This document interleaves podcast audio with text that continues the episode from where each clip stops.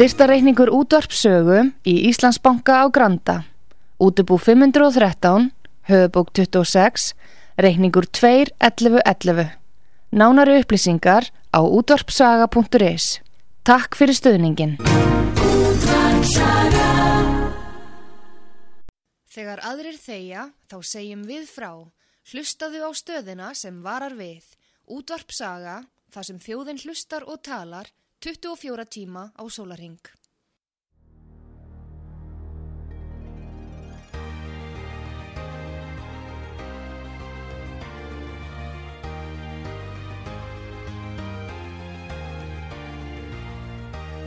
Heimsmálinn í umsjón Pétur Gunnlaugssonar. Fréttir og fréttatengt efni af Erlendum Vettvangi.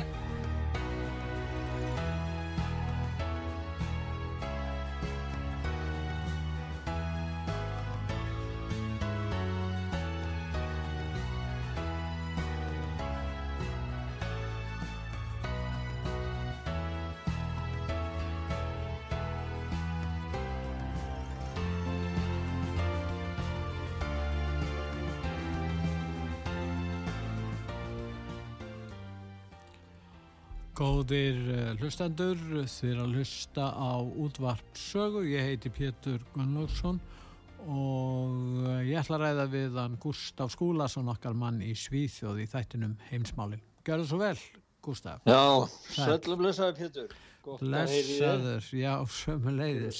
Sikur og sögu, jú, það verður nú, við erum með tölvertum lokslasmálinn í dag.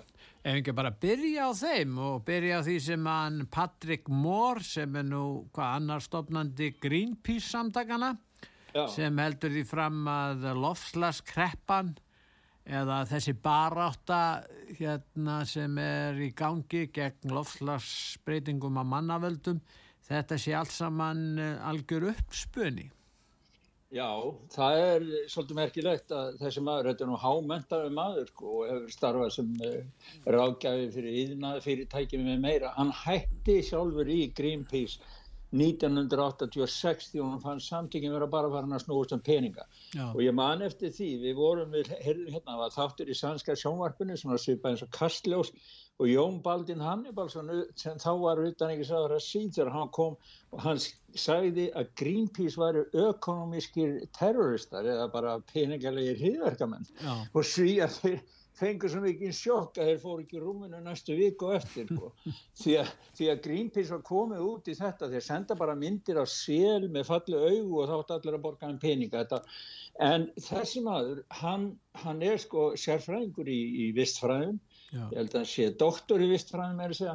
Og, og eh, hann hefur gefið út bækur um, um þessu mál meðal annars eina bók sem hétt eh, sjá fölsk, ég þýtti það eh, sem ósynlega fölsk stórslis og domstagsóknir það sem hann er að taka fyrir akkurat spurninguna um þessa, þessa að hræðslu áraður það sem að vera að tella okkur trú um það þessi einhver domstafur í nánd ef við gerum, höfum okkur ekki sí eða, eða svona við erum eins og þú segir með, með, við ætlum kannski að heyra það eru tvö, tveir hljóðbúta með honum annar er aðeins lengri en það fyrst það sem hann er að útskýra þetta Já. og svo hitt það sem við fáum upplýsingar um fjölgun íspjarna þvert á móti því sem megin miðlar hafa verið að segja okkur undanfæri náðu Hlustum á Patrik Bór Most of the scare stories, in fact, I think pretty well all of them are actually based on things that are either invisible or so remote or in the future, which is definitely so remote, that nobody can see it for themselves. And multiple billions of dollars are involved, and they want us to believe they're scare stories. Because if it wasn't scary, it wouldn't get in the newspaper. It, it, wouldn't be the talk de jour. It wouldn't cause Green New Deals and windmills and solar farms that fail. And because once these blackouts start, people will understand why they're happening, and maybe they will take away the subsidies, mandates, and tax credits that is the only reason these two technologies, wind and solar, are possible. No. Já, að hann er í raun og verið að segja að þetta sé hræðslu áraður í fjölmiðlum og það sé verið að fjallum ósýnilega hluti eitthvað sem að gerist í einhvern tíman á að gerast einhvern veginn í framtíðinni þannig að það er ekki hægt að afsanna þetta í raun og verið eins og þetta er. Já, hann, hann vekur alltaf glasir, sko, hann segir á einu stað sko, að vísind er eitthvað sem hægt er sem að maður rannsakar og svo hægt að sannreina niðurstöður og útkomur rannsóknarna. En í, í, í lofslags áru, hræðslu áruðurum þá er alltaf það er ekki hægt að taka á þessu. Þetta er um þetta er spurning um einhverja, einhverja loftegund og, og þetta á að koma í framtíðinni og þá er stundur ekki gert að grína því að Greta Thunberg, hún skrifa nú fyrir meirinn fimm ári síðan að þetta já, ég held bara að er alltaf að vera búi núna bara, en það, við erum komið fram með þann tíma og allir munum nú eftir Al Gore sem að var að stiga upp á senu og var að tala um hvað sjó, sjóri myndi hækka mikið sko og, og hitast í og ekkert af þessu komið fram. Og svo hefur maður hirtum þetta líka upp á Íslandi með, með hérna, jökulinn og. En hann, hann verðist nú bæðið koma og fara. Málega er það að það hefur sko, það, þetta er bara áruður það er engin vísund á bakvið þetta. En þetta og, hefur gerst trátt fyrir það að þeir segja að lafslagsvandin sé alltaf að vesna þetta hafi farið vesnandi og farið allt úr böndum. En samt er það þannig að plánetan er nú ekki hún hefur ekki hérna verið eðurlöð út af þessum breytingum hmm.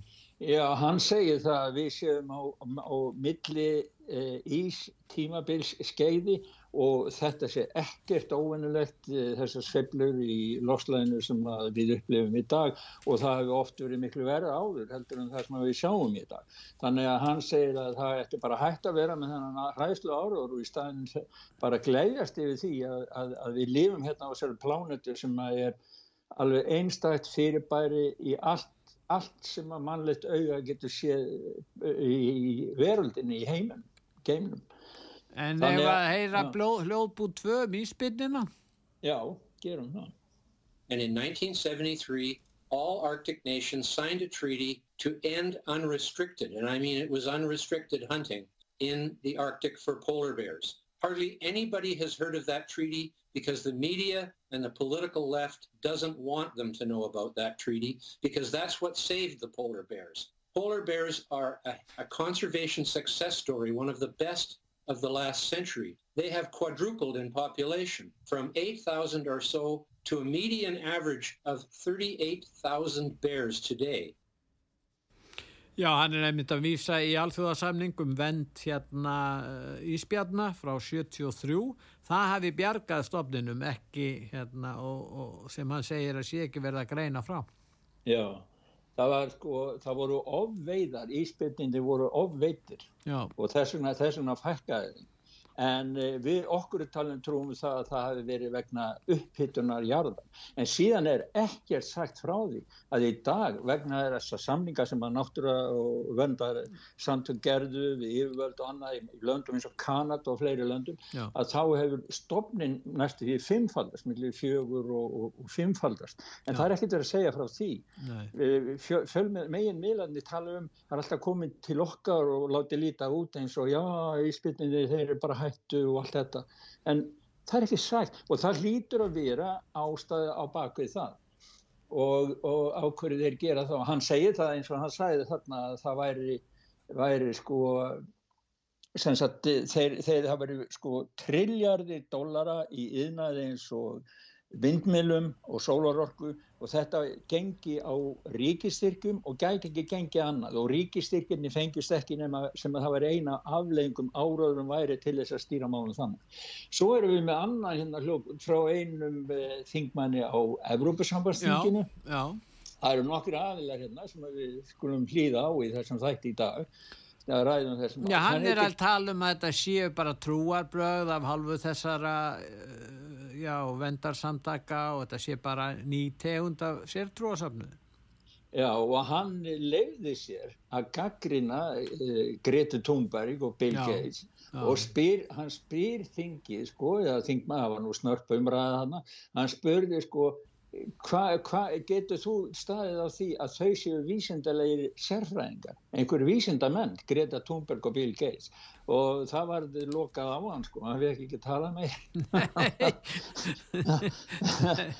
hlustum að hlustum að hann hann fær að tala hér. So I'm asking you in reply, what is the expertise of Greta Thunberg, of Bill Gates for example, to lecture us, to force us, to lobby us? To pass laws to violate people's rights and for them to make money. Because if these are scientists, look, science is based on facts, not on propaganda. So everything that we heard here, it's simply propaganda. Thank you very much, fact. Mr. Turkis. You have to explain to the Europeans Mr. Turkis, why a gas you don't have the floor, please. 0.041% of the atmosphere is causing all these catastrophes they are claiming. Mr. Thank Turkis. You.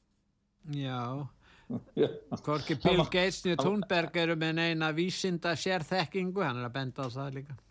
Já og svo eins og hann bendir á sko sem honum finnst uh, þarnast umræð og útskýringa hvernig loftegund þessu kóltvísýringur sem að jörðin þarf og græna grænblöðungar og, og gróðurinn þarf til þess að lifa er ekki nema 0,041% öllu andurlöftinu. Hann tekur það með inn í sagt, umræðunar um hversun akkurat þessi, e, þessi tegund, lofttegund eigi að vera svona hættulega fyrir, fyrir jarðabú. Mér langar að spyrja þig Gustaf, hvað með í ja. sænska þinginu? Hvernig er umræðan þar núna um loftslagsmáli? Nei, já umræðan þar núna, hún er í sambandi við vindmilunar aðalega Já, við komum þá að því á eftir meðan Jimmy Åkesson það, það er sko stjórninu klóni sem málu og kristdemokrater hafa snúist alveg 180 gráður sko. Þannig að það er það, þetta er nei, og, og stjórnar anstæðan í dag sósaldemokrata, hún tók það með töp og Magdalena í gæðarska og já þið, fylgji ekki lofslæginu sko, þannig að það er það er allt klófið hér í kross í lofslagsmálunum sko En við skulum heyri manni sem heitir Taylor Marshall sem er rittöfundur og, og fyrirverandi prestur líka og alvitskjafi. Hann hefur sérstakar skoðanir á því sem er að gerast núna varðandi alþjóða þróun í heiminum og Já, hann er með, með svona, hvað kallir það, hlaðvarp eða podcast. Og, og með þætti þar og það er með trúalegu íbæð og vann og hann er í þessum þætti sem að hljóðbúturinn er tekið nú, þá er hann að fjalla um viðvörun erkibiskupsins Carlo eh, Igano Já. og sem að við höfum rætt um áður og eru vittnaði í mörgum stöðum að heima síðu sögu og við höfum rætt tölvört um. Og þetta bríð er á ennsku en það er smá þýðing á því í þessum í, í, í, bitar sem eru þýttir. Og það sem að sko, það sem að honum fannst verið aðteglisvert var að Vigano nafn greinir þrá einstaklingar með nafn í uh, sínu skrifum. Þar sem hann er að vara við, við þeim og framför allt það sem þeir standa fyrir. Og e, við ættum kannski að hlusta á hljóðbundun og, og ræða síðan að sum þetta þess að þrjá einstaklinga sem hann Vigano bent á. Já. Archbishop Carlo Maria Vigano has yet once again warned us of the deep church and the deep state and he's naming names this time. He names the big three Klaus Schwab George Soros, and Bill Gates. And he notes that what was once conspiracy theory has become conspiracy fact. They're heading to a one world government, they're heading to a great reset, and at root, it is diabolical. Já, Já það er, þetta er svolítið merkilegt sko. Já, þessi Þessi... dvýr einstaklingar, það er að segja Bill Gates og hérna og, og hérna já, Svab, Klaus Svab og var ekki Sóras sem hann myndist á fyrst? Jú, Sóras, Bill Gates, Klaus Svab ég ætla kannski að lesa þennan kapla á brefni sem hann er að vitna í sko. hann er, hann er sko, það, ef maður les brefið sem að Karl og Marja Vigano hefur skrifað, þetta bref hann var skrifað í fyrir áramótin, hann var, hann var að beini frá læknum sem að vilja ver, vernda síðfræði lækna vísandana í sambandi við umræðan um COVID. Já. og þeir báðu hann um, sendunum og báðu hann um að segja sitt álit á því sem er að gerast í heiminum. Og hann var nú búin að skrifa það árið áður eða þegar COVID byrjaði þá var að senda hann frá sér bara ávart til allra íbúa jarðar sko, og, og, og var það við sem í hönd myndi koma. Og núna skrifa hann sem sagt nýtt bref og ég ætla aðeins að lesa úr því með, með leiði hæstist fundastjóra en hérna hann sagði það sko að í brefi sínu þá segir hann að Klá, Klaus þá vittnar hann í það þegar Klaus Schwab, það höfum við rætt um í, í hænsmálarum, þegar Klaus Schwab var á fundi með leiti, það sem að G20 voru á Bali, Já. þá tók hann og, og, og fyrir skipaði uh, leiðtóum, uh, ung, ungum leiðtó, alþjóða leiðtóum morgundagsins sem hefur farið gennum skólan hans, sem satt í World Economic Forum, fórstum hann að ríkistöðuna, hvaða næstu skref þitt að taka til að koma heim stjórn?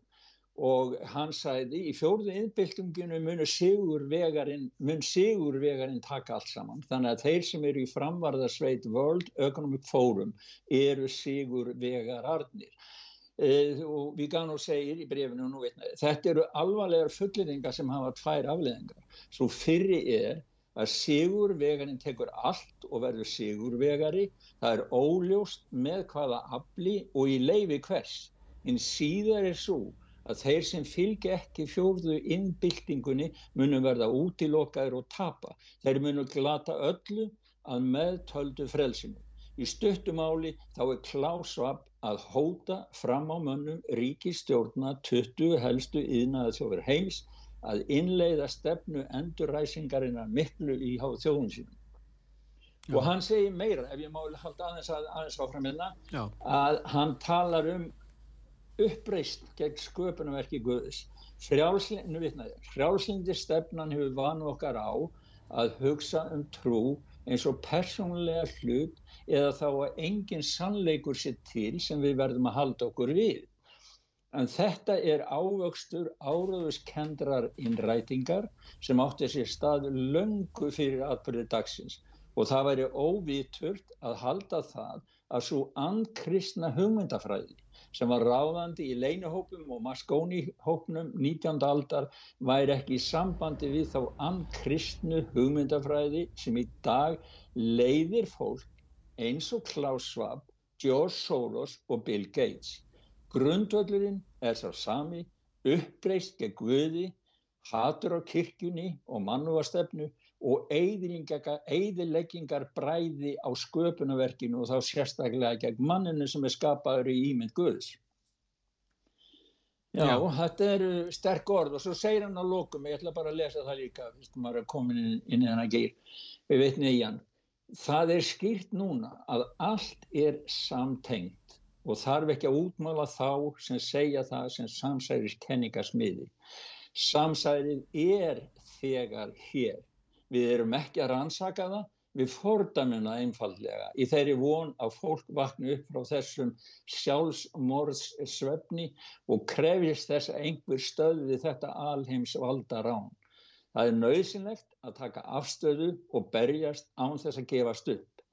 Sannleikurinn sem er eiginleikin Guðs, honum verður ekki vikið úr vegi með mistökum og ekki verður lífið sigrað með dauðanum minnust þess sem hins, hinn allsmátti sagði ég er vegurinn, sannleikurinn og lífið og hann hefur þegar sigra Satan og farið okkar möguleika í baráttunni í framhaldinu að velja rétt að kjósa þær ástafanir sem færa okkur á veg Krist við hlýð Guðs.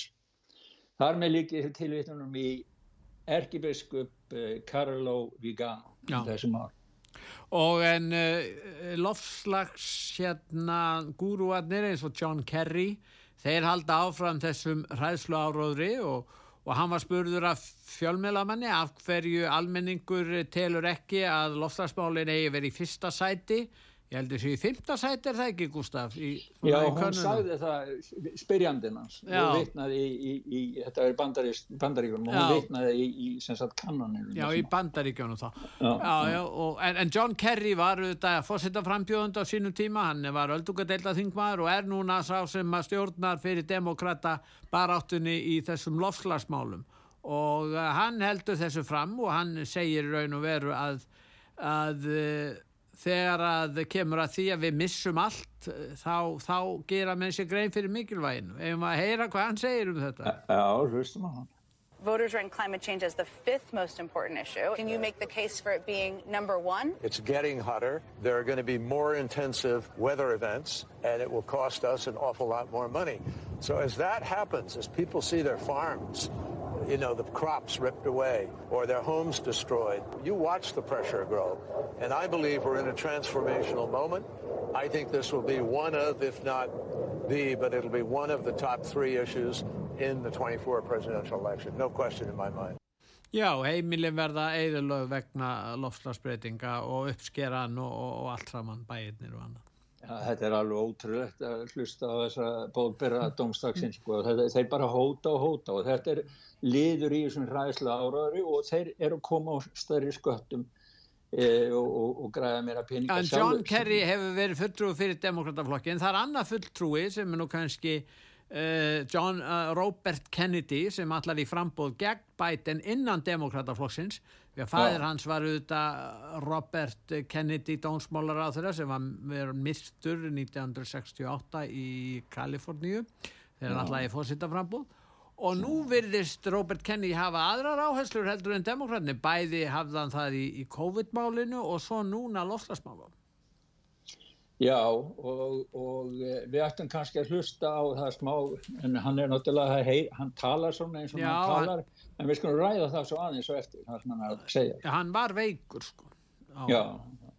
Climate issues and pollution issues are being exploited by, you know, the World Economic Forum and Bill Gates and all of these, you know, mega billionaires, the same way that COVID was exploited. Uh, to use it as an excuse to clamp down top down totalitarian controls on society. People now see that it's just another crisis that's being used to strip mine the wealth of the poor and to, you know, to enrich billionaires. And, and I've said the most important solution for environmental issues, is not top-down controls, it's free market capitalism.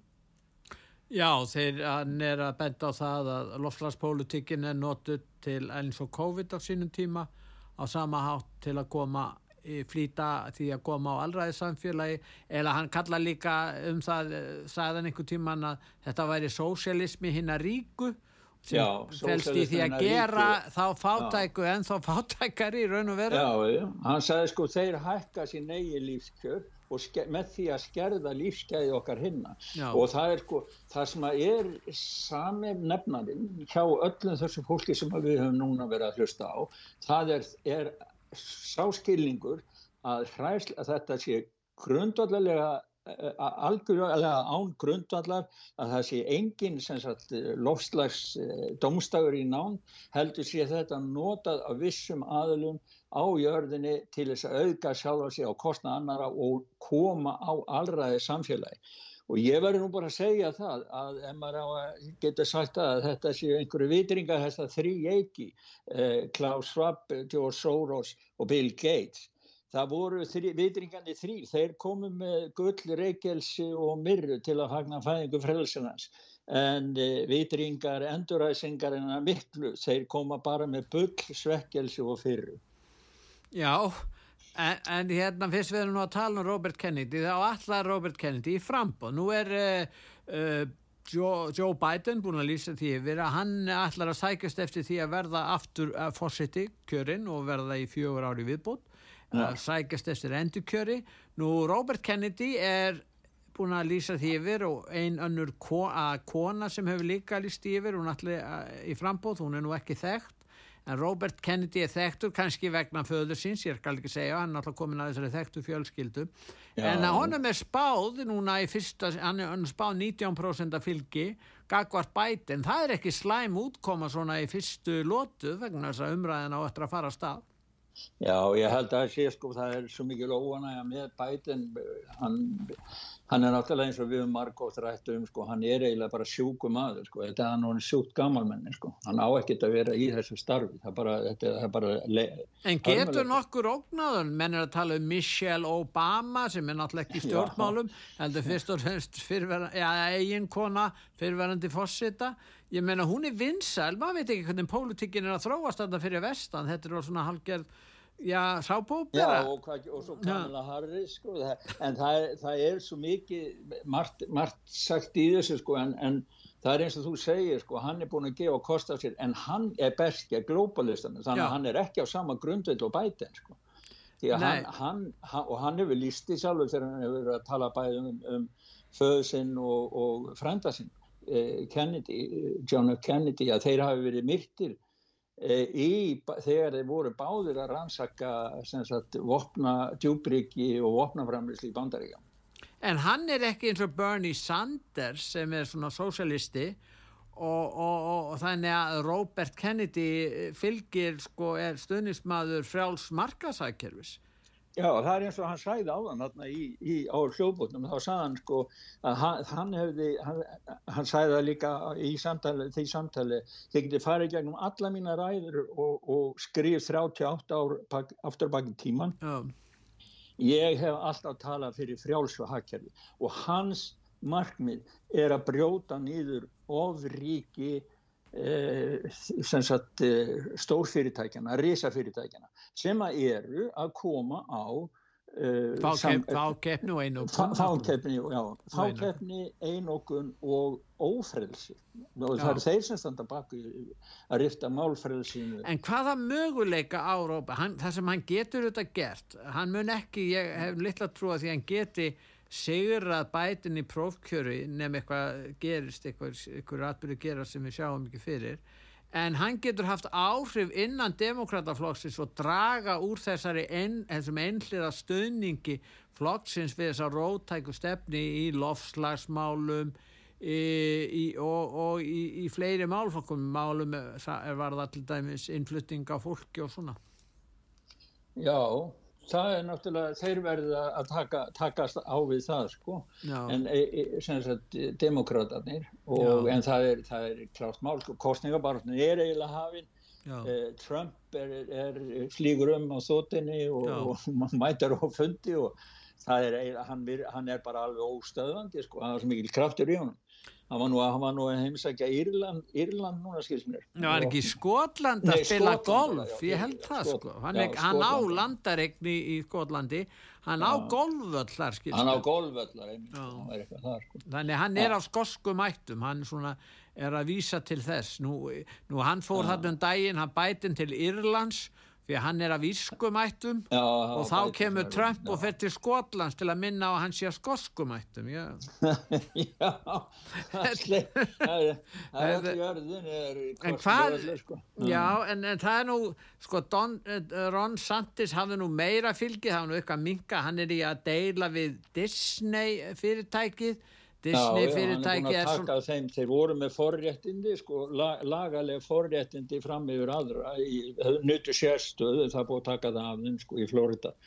Og, og svo er það sem er sko Don Santi, Ron DeSantis hann hefur ekkert sagt sko en, en hvort hann fari frambóð en, Nei og, ekki beint en, en það verður flest spenda til þess nefna hann það Já, nei, það er, það er búið að samþykja núna, þingi í Flórida er búið að samþykja núna breyting á lögum sem að, hann á bara eftir að skrifa undir, bara fórumsadrið sem leifur honum að fara í frambóð og sem, sem, ég veit ekki, ég þekk ekki alveg sem setjandi en... ríkistjóri þar að segja að þá getur hann sko farið í frambóð og ef hann tapar segjum svo hann verði kjörinn hérna fórsiti Nei, verði, verði, verði, verði kjörin fulltrúi republikana en tapi í kostingunum þá heldur hann áfram til hérna, ríkistjóra ríkistjóra, já, það, já, einmitt það er eitthvað svoleið það er eitthvað svoleið sem að Já, þetta er alltaf mikil áhætt í pólitíkinni, menn er að taka stórar ákvarðanir hvert hvað er alltaf að fara að gera núna.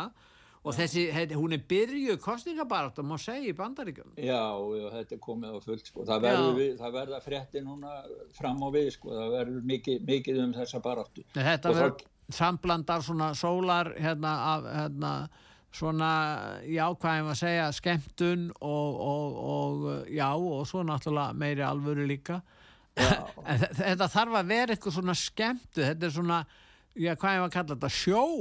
Þetta er, þetta er svona Já, það er náttúrulega bandaríkri stílin á þessu, sko, það já. er maður sér það nú bara á, á fórsetta frambjónum og fundunum hann er nú að fara núna á CNN núna, þeir eru með svona fyrirspennenda þátt það sem að fórsetta efni geta verið og fólk í salum getur spurt. Hann var að Já. segja það, það kemur núna 10. mæ en, en þetta eru sjó þetta er sko minna hann mæti, mæ, fór hérna inn á, á, á keppnis íþróttaleiku sko, það bara rýrsaður upp bara wow, USA, USA, þú veist.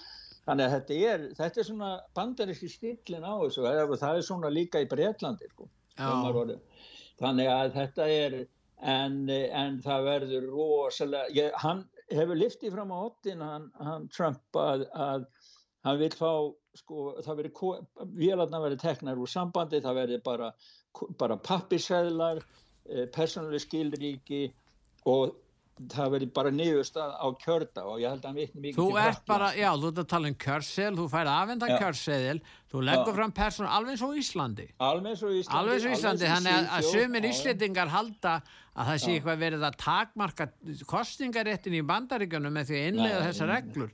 Það er bara felur í að þú bara sínir það, með þess að fósitt í Íslands þegar hann kýsa fyrir á bestastöðum og fyrir að kjósa, hann þarf að sína. Já. hann fær ekki afhendan kjörsilin ef mann síni og persónuskilning og hérna er niðurstaðan sko kláru um kvöldi síðastlega í næsta dag eitthvað svolítið en, en þarna í bandaríkunum þá er þetta bara, bara fjagra vikna tímabil. Það eru kostningar Já en það, það eru vélar og ég minna og þetta, þetta er ekki svona tröstveikjand endilega, það er ekkert víst. Við vitum ekkert hvort það, það er náttúrulega svindlað einhverju leiti það spurning hver, hver mikið hva, hvort það hafi áhrif á niðurstöðuna. En þetta er ekki tröstveikjandi í staðin fyrir að krossa við eins og við gerum hér þá bara krossum við við og, og með blíjant eða, eða penna það setja nú reynda með blíjant hjá okkur. En, en hérna og síðan eru þau talin í Breitlandi tökum Breitlandsin dæmi, það er náttúrulega stort uh, samfélag. Og þar eru atkvæðin þannig talin, þau eru bara Já Já, já, þau eru talin þannig. Og, tröst, og tröstið er nefnilega eins og hérna, sko, þá eru fulltrúan alla flokkana með, maður sér hvað hinn er gera og maður finnst það. Og það eru opið þegar verður að telja, já, þá sérðu inn í salin, þessa íþróttasali. Já, þannig að það er sko þá, þannig að maður fylgist með og allir þetta er eitthvað sem er samilegt fyrir alla börsu frá því hvað flokkum er með því að það hafa allir hagað því að, að kerfi virki og, og að það sé ekki verið að tellja eitthvað sem er ógild sko. Ég hef aldrei séð það heirt að, að bresku stjórnmálamæður hafi haldið því fram að það væri verið að svindla varðandi framkvæmt kostinga. Ég hef ekki hert það. Hefur þú hert um það? Nei, ég hef ekki hert það. Nei, sko. ég hef ekki gert það. Nú eru kostingar, einhverju sveitastjórnarkostingar í Breitlandi eða núna framöndan þannig að við getum alveg fyrst með því en, en þetta bandaríska leiðin er mjög sérkennleg. Mér fannst þú kostulegast þegar menn voru að halda því að væri svo dýst og væri svo mikil fjárútlátt að verða sér út um persónu skilir ekki, ég meina hvað er það, sína ökkurskýrtin eða eitthvað svíut, ég meina Já, það bendur nú eiginlega bara á það að þeir vita upp á sér skömmina að þeir svindla eitthvað sko, það er nú bendur nú eiginlega til þess að þeir Já, vilja halda eitthvað Og mér finnst Já. þetta alveg ótrúleg þessi umræða. En hérna, en við komum því á eftir kannski en, en við ætlum núna að fá auðlýsingar og næst ætlum að ræða um bandarinska fjölmiðla og þennan Fox-miðl sem er í eigu uh, Rupert Murdoch og sonur hans uh, hvaða Lackland Murdoch. Hann er fann að stjórna hans í miklu þarna. Og, og við, við skulum ræða svolítið um það og, og halda svo umræðin áfram. En við skulum hlýða núna á auðlýsingar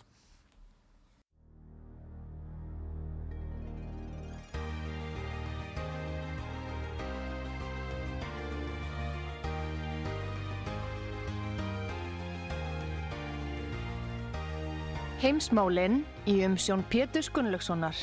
Fréttir og fréttatengt efni af Erlendum Vettvangi. Góðir uh, hlustendur, þér að hlusta á útvart sögu. Ég heiti Pétur Gunnlaugsson og ég er að ræða við hann Gustaf Skúlason í Svíþjóð. Núna Gustaf, nú uh, þessi hérna vinsælasti og þekktasti hérna fréttamaður og fjölmilamaður Fox-stöðvarinnar sem að hérna heitir uh, Tucker Carlson. Og hann hafði, já, langt mesta, mesta, mest áhorf þarna í þessum, í þessu, af þessum uh, fjölmilamönnum sem er í fréttamennskunni hann í bandaríkjónum, eða fréttaskýringur endar, en nú er hann farin það búið að rega nú sem við segja að Rupert Murdoch hafi regið hann eða sonur hans, Laklan eða þeir saman. Hvað gerðist? Vítum við nokkuð hvað var gert vegna þess að þeir sem þekka kannski ekki mjög til að þetta skipti verulegu máli því að Tucker Carlson, ég har átt að segja það að hann er mikill anstæðingur bæten þannig að þetta getur skipt verulegu máli hvort að hann verði þá í fjölmiðlum og hann verður ekki um næst þegar kostingarnar verða nú? Já, það var einhver starfsmæður þátt að stjórnandi eitthvað sem að þekkti til aðna sem að var og sagði það að Tökki Karlsson hefði ekki verið rekin, hann er með samninga fram til desember á næsta ári, heldur hann hafi verið þakkaður og það sé, sko, þeir séu samninga við hann, hann sé reynilega að losna út úr samningunum við þá. Uh, og ef að, maður, ef að það er rétt, þá, þá veriðist vera markmið hjá uh, Murdoch að hann verði bara í þögn og get ekki kommentera. Já, get ekki farið yfir á annað fjölmiðl, menn. Já, hann megi ekki vera það, hann verði múlbundin fram yfir næstu kostningar vegna, vegna þess að það eru sumir eins og sumir sem segja það, meðal annars einn þekktur, hérna, einn öldungadeilda þingmaður, republikana, hann, hann vildi meina það að Tökki Karlsson bara væri utan ekki stefna republikana flokksins og hann væri alveg á móti, en Tökki var svo vinsæll og hann var mjög vinsall hjá þessum uh, grunnkjósendum republikana í, í bandaríkjunum og eh, en, en eh, síðan er að koma núna ljós meiri upplýsingar sko. Það er að, að Murdoch og sonur hans, Rupert Murdoch og sonur hans að þeir hafa eigi séu miklum samskipti við Selenski í Úkrænu og þeir hafa haft samtal við Selenski bara nokkur dögum áður en þeir ákvaðu að láta eh, skrúa fyrir mikrofónu hjá, hjá Tökki Karlssoni og samkvæmt því og það, sko, það er, Tökkir var ekkert að leina því, hann var algjörlega á móti stríðin í Úkrænu, hann var með mikinn, sagt, mikla anstöðu þar og, og gaggrindi þetta og yfirvöldi bandaríkunni sérstaklega og, og það komu, hann hafði viðtalið fullt af fólki sem við höfum vitnað í hér á, á útarpisögu og e, það, það hefur komið annað í ljós að, það, að margt af því fólki sem að, og bara hann sjálfur líka voru á sérstökum lista sem að Selenski aðhendi bandaríkjastjórn og sögðu að væru sérstaklegir áróðusmenn fyrir rússa. Þannig að sko þetta verðist hanga svolítið saman því að það voru einmitt demokrata sem skrifuðu breyf til Murdoch og kröðust þess að hann myndi láta Tucker Carlson fara. En hvað sem því líður sko að, að það er mikil, mikil söknuður og það er, það er mikil tóma rými núna í fjölmiðlunum þegar röddinn hans heyrist ekki Nei. og ef, hún, ef hann ekki, finnur ekki leið til að koma fram, það eru margir sem veltaði fyrir sér eins og John Rogan eh, til og með segja að hann uh, væri með þátt á Rumble þá myndi breyta allir stöðunni og svo hafa e, fréttaveitur gert honum rosalega há tilbúð með peningum að hann komi yfir til þeirra því þeir vita það að það myndi auka sko auðvisingasölu og auka, auka á, áhorf og hlustum en, en eh, ef, að það, ef, að, ef að það er rétt að hann sagt, fær, þeir haldun, geta haldunum burtu frá fjölmiðlum og röttin hans fær ekki að heyrast núna út allt 2024 já þá er mikil skadi skil. Já, hann fær greita 20 miljónur á áru akkur eftir Robert, Robert Murdoch að borgunum til að komast í gjara fjölmil og þá er það eins og Selenski eða einhverju demokrater eru færðin að stjórna Robert Murdoch, það er nú uh, ólíkt því sem að hann hefur áður sínt af sér, hann leti ekki neitt stjórna uh, sínu fjölmiðla veldi Murdoch.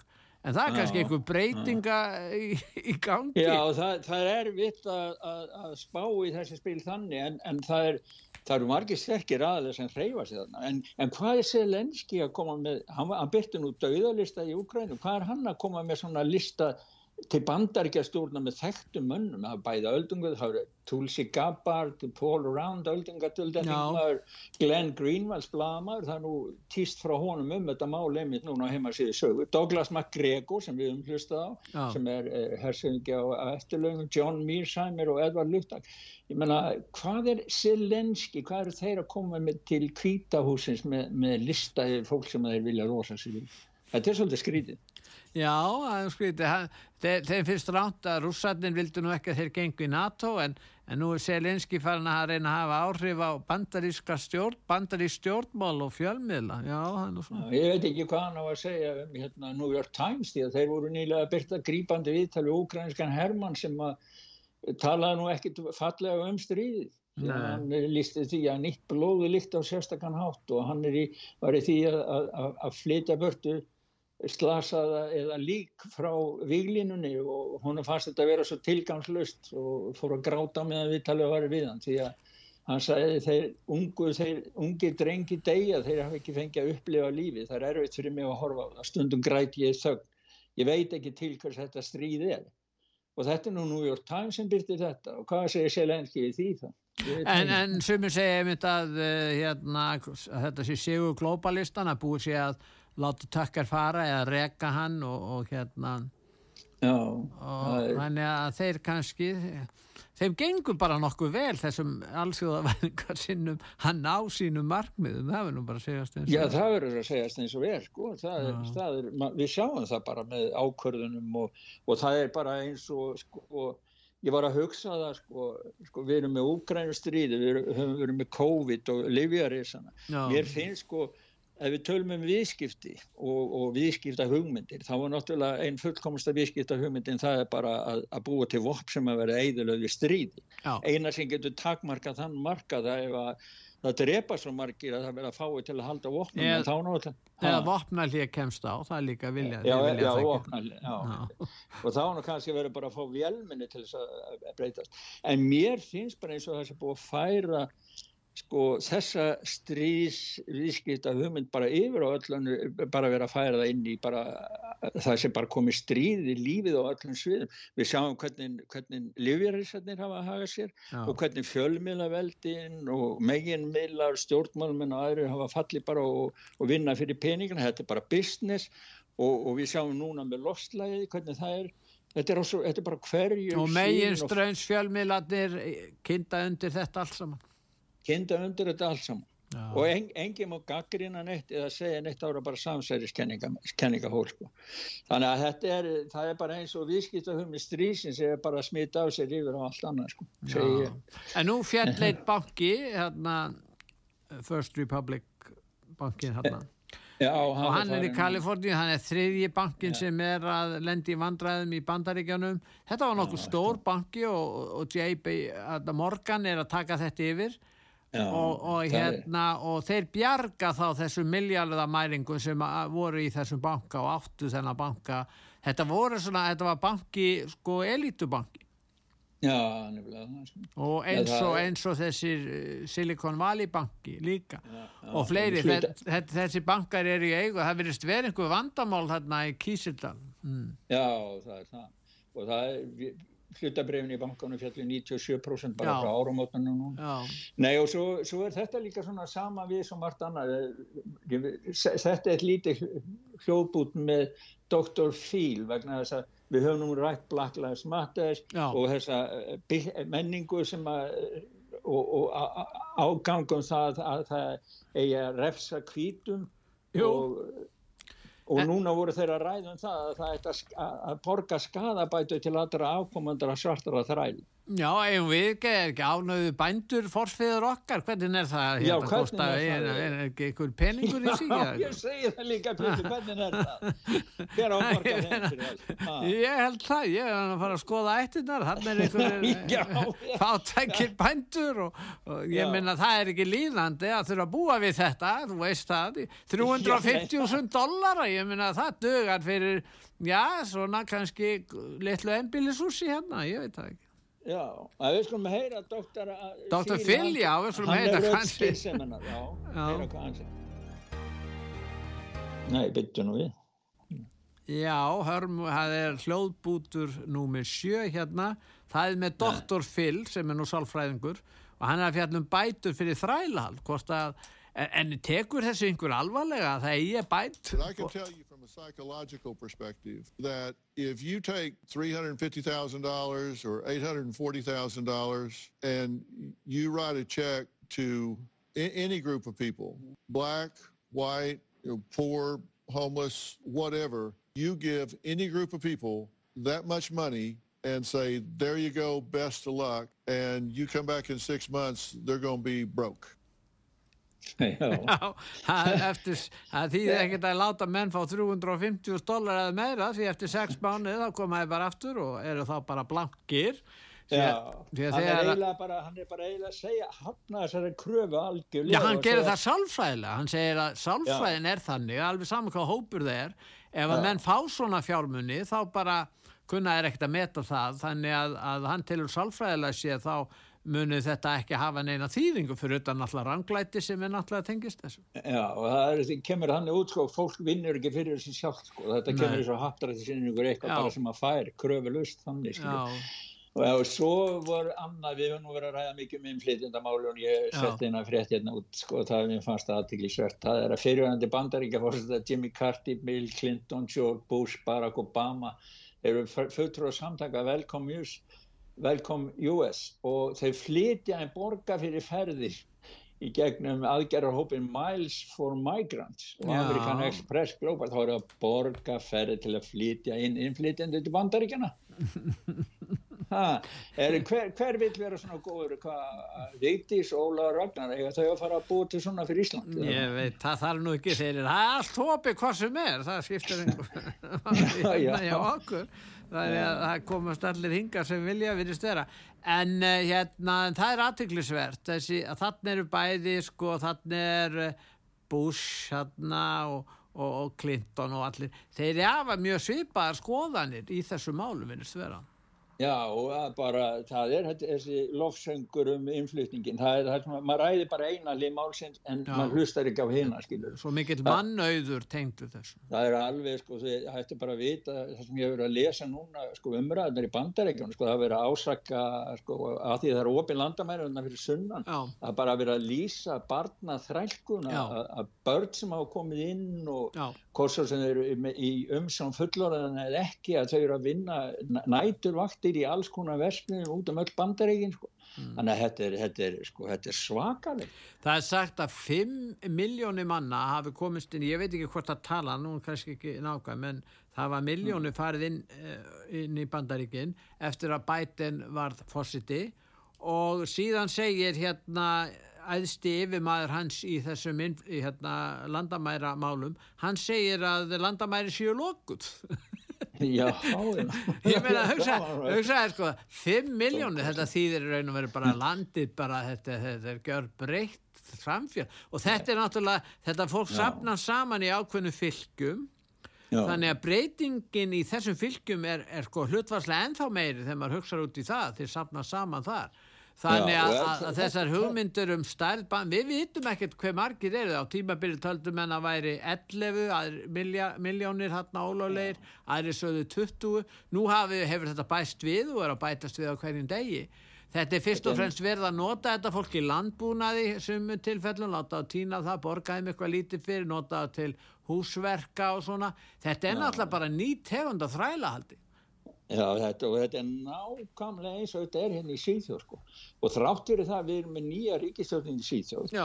sem að lofaði því og var eitt aðal málunum að þeir töluðu um sko, breytingu, sko, grund og alla breytingu og stefnu sko Já. þá eru fleiri innflýtendur sem hafa komið inn núna 10% fleiri sem hafa fengið dvalarlið, er það ekki? Já, þetta er, þetta er bara sko, þetta er alveg, bara alveg ótrúld mér er að segja jafna menn þeir eru farin að halda blána til að gaggrina ríkisjórnum þá kom koma margir innflýtinu til Svíþjóð nú er allt í lagi fyrir þá og gaggrina því að þeir eru í stjórnaranstöðu En þetta, þessi flokkur moderata, þetta er náttúrulega þetta er einhvern svona, er þetta gera borgarleir sósjalista? Já, þetta er bara sænski sjálfstæðarflokkurinn þetta er bara orðið sjálfstæði börtu já, já. já, þannig eru þeir og svo er hann einhverju flokkar eins og eins og hérna eins og kristilegi flokkurinn. hvað hva vill hann, hefur hann einhverja skoðun? Já, þeir voru, já, þeir hafa nú verið svona, hvað ég var að segja síðferðisrödd og, og og verið svona með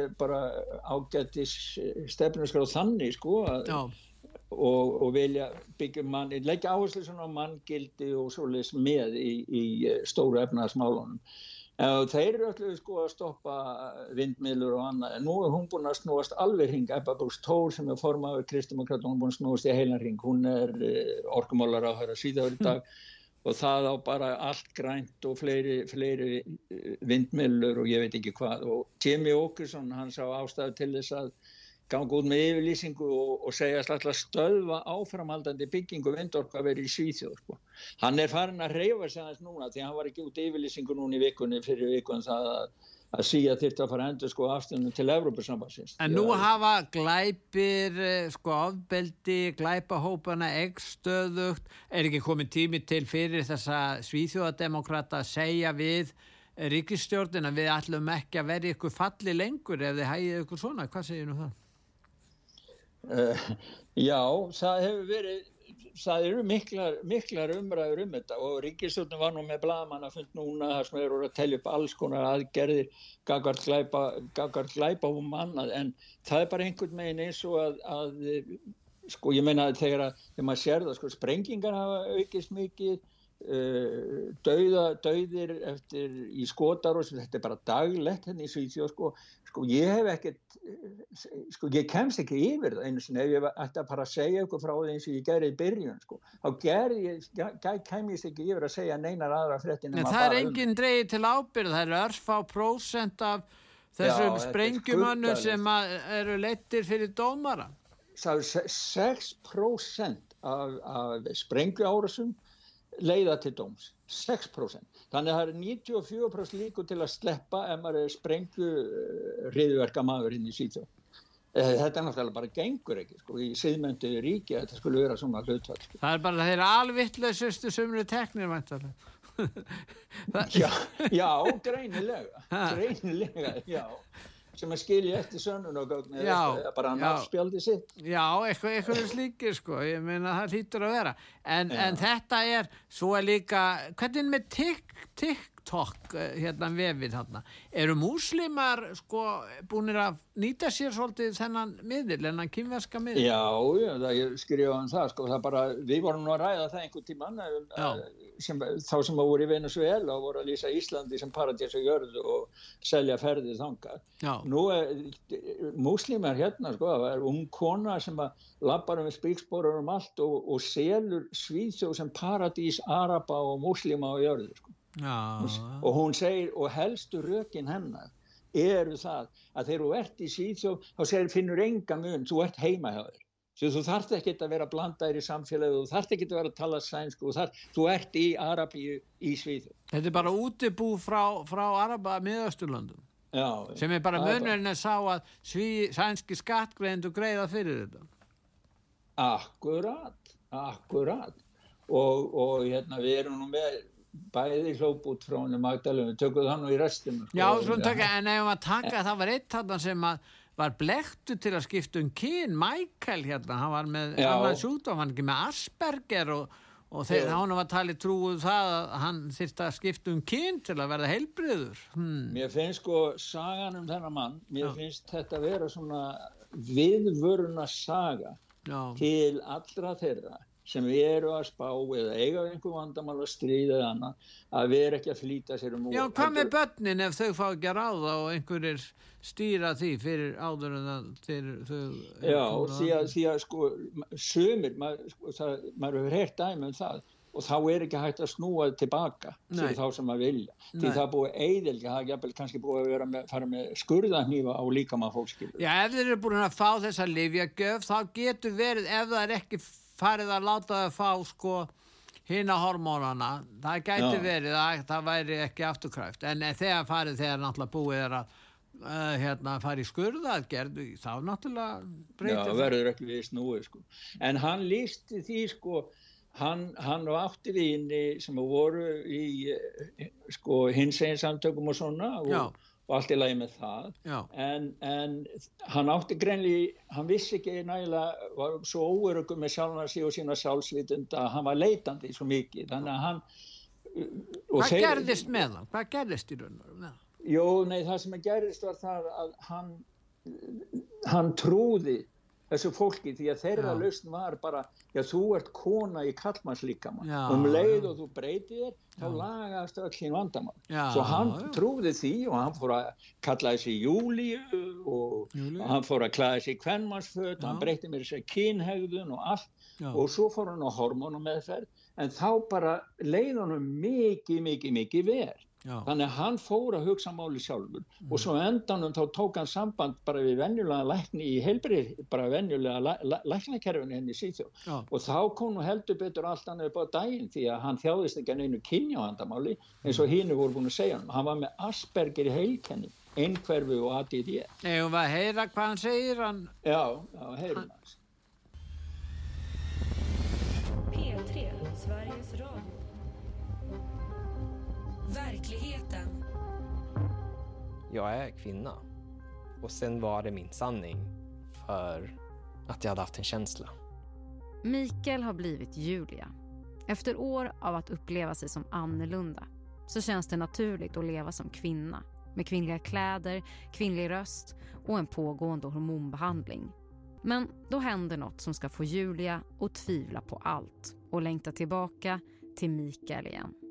Det var egentligen då som jag började förstå att okej, okay, då kanske jag ska sluta med det här. Då kanske jag behöver tänka igenom hela, hela grejen. Ja.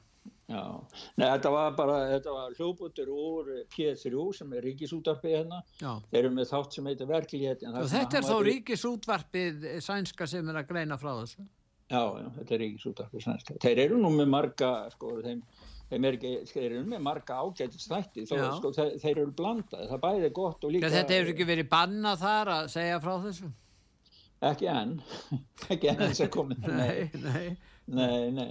En svo er svo, svo margt sem er skrítið að skilja henni síð og ég veit að bara, ég, ég, stundum veit maður ekki bara á hvaða landi maður er í heiminu. Sko núna ætlaður að fara að loka 15.000 kýr inni allt árið til þess að gera tilurinn til þess að sjá hvort það sé ekki bara hægt að drífa mjölkur búnað bara, bara á þess að hleypa henn oft í mann út. Já. En nú, er, svo, nú, nú eru matvælarísarnir að græða á þessari matvælakreppu og og það er verið að búa til gerfikjöt í, í, í tölvum er það ekki eða þrývita skrifara já, já, bara þrývita skrifari og bara bla, blandar einhverjum próteinum og sojabönum og eitthvað og fær bara út svona blöð kjötblöð. En, en sko við vorum að tala á um afbrotin í Svíþjóð. Þá kemur þarna formaður uh, sósjaldemokratana með nýjan bóðskap og það er fyrsti mæ bóðskapu sænskra jafnamanna og það er að hjálpa eh, sko sænskum hérna glæpa, glæpa gengi að, að þau fari í sérstak það verið tekinn upp sérstak sumarleifisverkefni sem á að leggja hvað 700 miljónir sænskala heilmingil peningur. Það sem á að kenna þeim að dansa og, og ganga upp á fjöll, ganga fjöll eða svona eitthvað svona að vera góð, góði við þá sko, bara, við erum með hlustum aðeins á hana já, svo, gerðu þá, svo þýðir þú bútin hennar. Já, ég skal þýða bútin Vi kan inte låta den här sommaren bli en rekryteringsfest för de kriminella gängen. I vårt budgetförslag så har vi därför en stor satsning på sommaraktiviteter med lunch. Och det handlar ju om att Sveriges barn och unga ska slippa gå hungriga och sysslolösa den här sommaren. Konkret handlar det om en satsning på 700 miljoner kronor riktat då till Sveriges kommuner som ska eh, kunna ordna tillsammans med föreningslivet fotbollsträningar eller dansklasser för yngre barnen. Kanske lässtund på biblioteket eller skogsäventyr. Já, Já. Nei, hún sagði það, gerum ekki, þetta sumar má ekki verða bara ráninga veysla fyrir glæpahópana Nei. og þá verðum við að koma með eitthvað annað og þess vegna leggjum við til 700 miljónir sænskar sem verður dreift í sveitavélana sem þau geta sett út í, í tómstundalífið og annað dansk, eins og þetta sem við sagðum danskkensla annað sko. en það er eitt lag hérna sem að við skulum bara, bara vona að, að glæpamennin í Svíþjóð og hvað sem er getur dansað við. Já, hver er trösti og bera? Hvaða fólk er þetta sem að Já, það er bara einhverju góði náðungar ég veit nú bara ekki þetta er eitthvað eldra lag sko. Þeir segja bara, bara ég er bara svensk ég er ekki syk Já, ég er ekki veikur, ég er bara svíi. Já. Já það, Ég held að það verður bara að vera loka orðin í dag Við gerum það, Gustaf minn, þakka þér fyrir. Já, Við skulum bara heyra í þeim. Þakka þér fyrir og ég Þakka hlustendum útvar sögu fyrir að hlusta. Verðið sæl.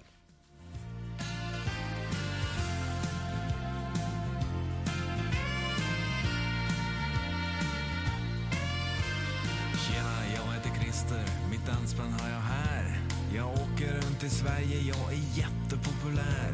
Det spelar ingen roll om det är dur eller moll. För det är lätt att jaga brudar när man spelar rock'n'roll. Vi åker runt i en jänkare med många prylar i. Och vi skiter i om Sverige är socialdemokrati. Vi har spelat i Haparanda, vi har spelat i Luleå. Vi har spelat i Göteborg och i Gävle och jag är inte sjuk. Jag är bara svensk. Nej, jag är inte sjuk. För jag är bara svensk. På somrarna så åker vi på folkparksturné Gummorna sitter hemma, vi tar dem inte med för det finns så gott om fruntimmer som skriker i extas. Vi tar dem med på rummet, sen så ger vi dem massage. Visst så är det skitmusik jag spelar för dig här. Men det är faktiskt schysst att vara en svensk toppmiljonär. Så jag ska spela svensk topp alla mina dagar.